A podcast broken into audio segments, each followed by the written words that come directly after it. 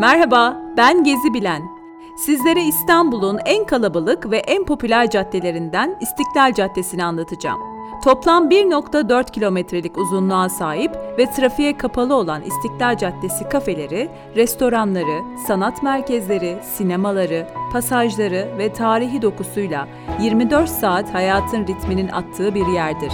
Nostaljik tramvayı, tüneli, anıtları ile her yaştan insanın da en önemli buluşma noktalarındandır. İstiklal Caddesi'nin popülerliği Bizans döneminden sonra başlar. Kenti alan Osmanlı'nın yükseliş dönemiyle beraber caddede çok uluslu bir yapılanma hakim olur ve mimari anlamda zenginleşir. Caddenin altyapı çalışmaları ise Abdülaziz döneminde gerçekleşir, hatta meşhur tünel de bu dönemde yapılır. Bugünkü adını Cumhuriyet dönemiyle alan İstiklal Caddesi'nin önceden Grande Rue de Pera, Büyük Cadde ve Cadde-i Kebir olarak anıldığını da belirtelim.